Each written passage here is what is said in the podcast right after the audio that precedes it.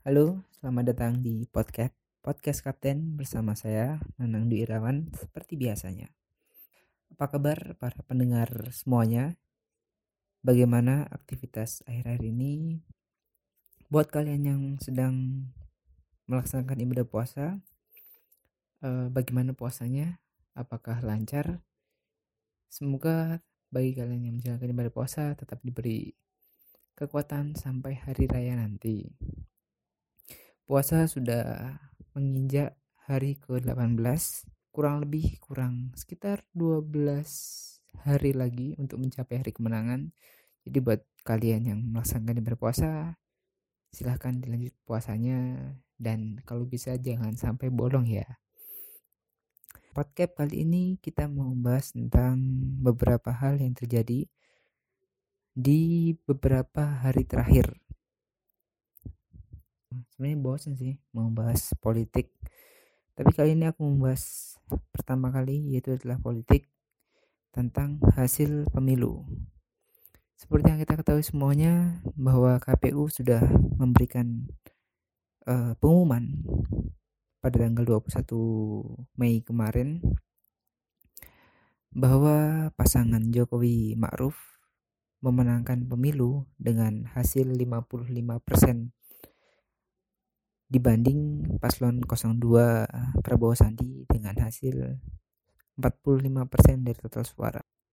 Namun seperti yang kita ketahui juga bahwa paslon 02 enggan menerima hasil dari pemilu dengan dalih beberapa kecurangan-kecurangan yang dicurigai dari kubu 02 gitu. Maka dari itu terjadilah chaos 21-22 kemarin.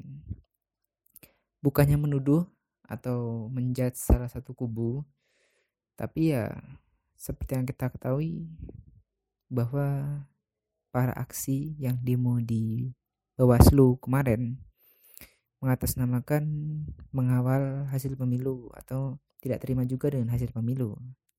Dan lagi-lagi saya tidak ingin menjudge jika memang itu pendukung 02 ya saya rasa boleh aksi aksi boleh dan bahkan aksi pun sangat dilindungi oleh undang-undang. Tapi yang saya tidak bisa memaklumi atau tidak bisa menerima yaitu dengan adanya kekerasan pada jalan Tamrin kemarin yang merusak beberapa fasilitas umum dan bahkan menyebabkan kemacetan.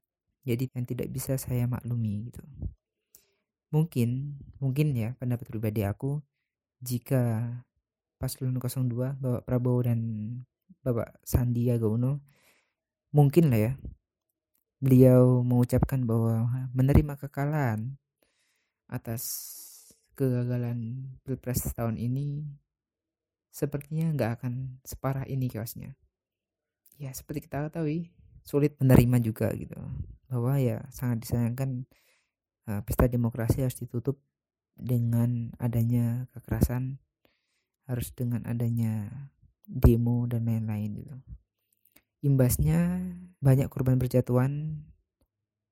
Menurut berita yang kemarin aku baca ada sekitar enam orang tewas dan 200 orang terluka akibat dari bentrok ini gitu. Sebenarnya ya nggak bisa menyalahkan uh, masa juga gitu. Karena seperti yang kita tahu juga bahwa sesuatu yang sangat fanatik itu tidak baik bagi setiap orang gitu. Jadi buat teman-teman sekalian boleh mendukung tapi jangan fanatik gitu. Jika memang mendukung 01 atau 02 ya terima buruknya terima baiknya gitu. Jangan hanya menerima baiknya buruknya dibela dan bahkan tidak mau menerima kalau uh, apa yang kamu dukung itu kurang baik gitu. Jadi buat kalian harus legowo jika yang kalian dukung kalah ya mohon legowo gitu nggak usah diperpanjang lagi gitu atau juga kalau memang ada bukti-bukti yang kuat bahwa ada kecurangan ditemukan di lapangan silahkan dilaporkan gitu karena ya KPU dan Bawaslu bahkan ke MK pun masih menerima kalau ada laporan-laporan yang mencurigakan kemudian kita juga harus memberikan apresiasi yang sangat tinggi kepada Polri dan TNI yang sudah berhasil mengamankan wilayah sekitar lokasi. Karena dengan pekerjaan yang berat, Polri dan TNI mampu meminimalisir kekacauan di Jakarta.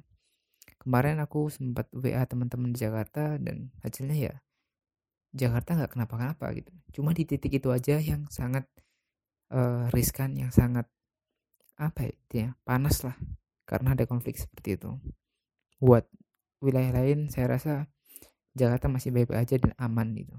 Kemudian kalau mau tidak mengejudge bahwa itu bukan pendukung 02 Kemarin fakta di lapangan menemukan bahwa ada salah satu mobil dari Partai Gerindra yang malah mobil ambulans ya, yang malah menyediakan batu untuk memfasilitasi demonstran atau para-para provokator gitu.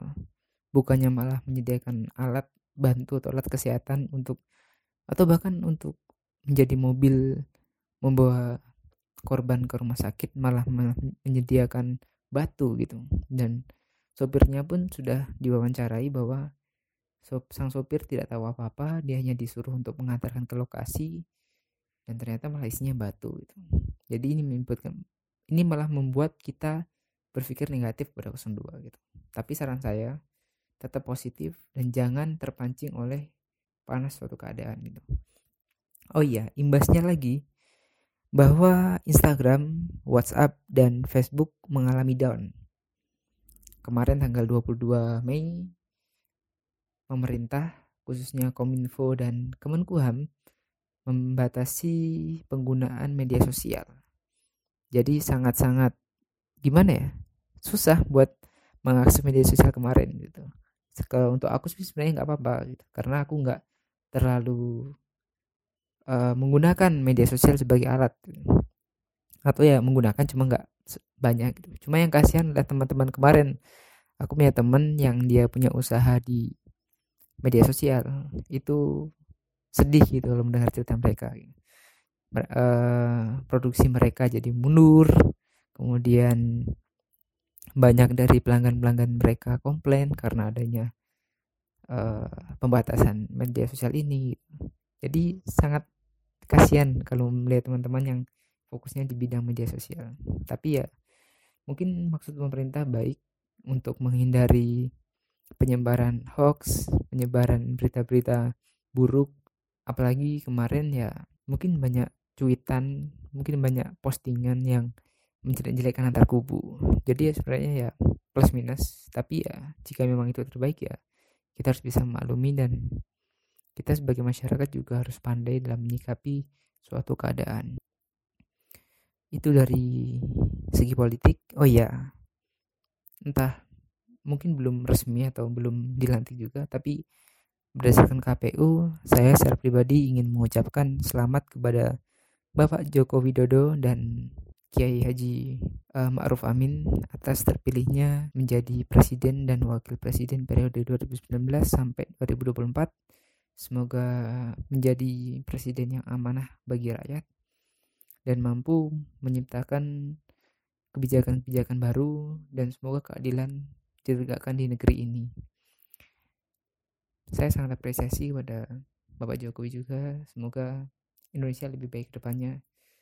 Lima tahun terakhir saya rasa ya cukup bagus dalam pembangunan yang tidak Jawa sentrisme.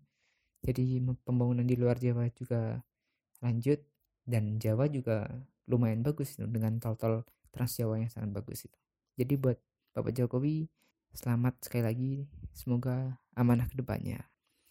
Oke itu dari dunia politik kita pergi ke dunia teknologi. Nah seperti yang kita tahu bahwa Huawei resmi bercerai dengan Google dan apa ya banyak spekulasi gitu adanya perang dagang antara Cina dan Amerika gitu. Kemudian kebijakan Presiden Donald Trump yang uh, memutus semua produk Huawei yang tidak boleh bekerja sama dengan Amerika dan lain-lain. Ya, aku memang bukan seorang pengguna Huawei, cuma pengguna produk Xiaomi gitu. Takutnya ya juga merembet juga, tapi semoga hmm, tidak merembet ke HP-HP lain karena yang dicurigai cuma Huawei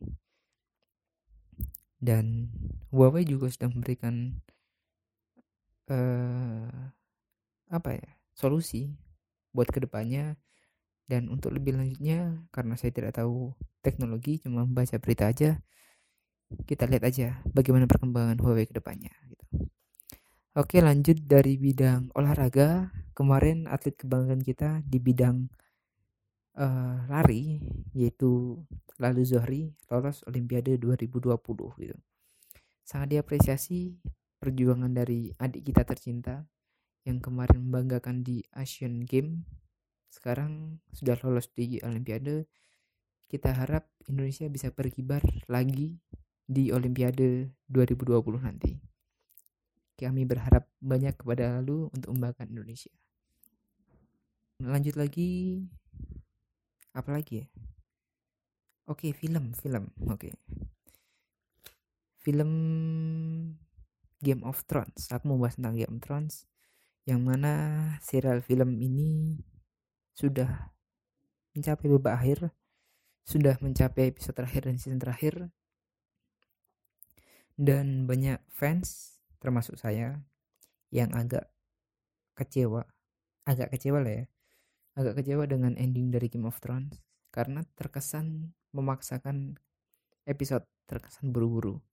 Kenapa demikian? Ya harusnya episode 6 itu bisa dipanjangkan sampai episode 10 mungkin atau bisa lebih tapi harus dipadatkan sampai episode 6 jadi kesannya sangat terburu-buru gitu tapi terlepas dari itu aku sangat senang karena Game of Thrones berakhir dengan baik dengan ending yang cukup manis dimulai dari Stark season pertama dan diakhiri dengan keluarga Stark juga di season akhir. Yang mana Bran jadi King of the Six Kingdom kemudian Arya berkelana di barat Westeros uh, Sansa jadi Queen in the North dan Jon Snow jadi King Beyond the Wall bersama Night Watch di The Wall. Cukup menarik dan sangat-sangat menghibur.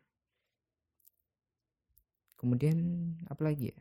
Mungkin itu dulu pembahasan podcast kali ini mengenai beberapa fenomena air-air ini. Oh iya buat kalian yang mau berkirim surat, yang mau berkirim pesan, yang mau ngasih masukan, kritik ataupun saran, silahkan bersurat di email saya nanang256@gmail.com. Kalau pasti saya balas kok dan saya baca buat surat-surat kalian atau email kalian. Sekian dari saya. Kurang lebihnya saya mohon maaf dan wassalamualaikum warahmatullahi wabarakatuh. Bye bye.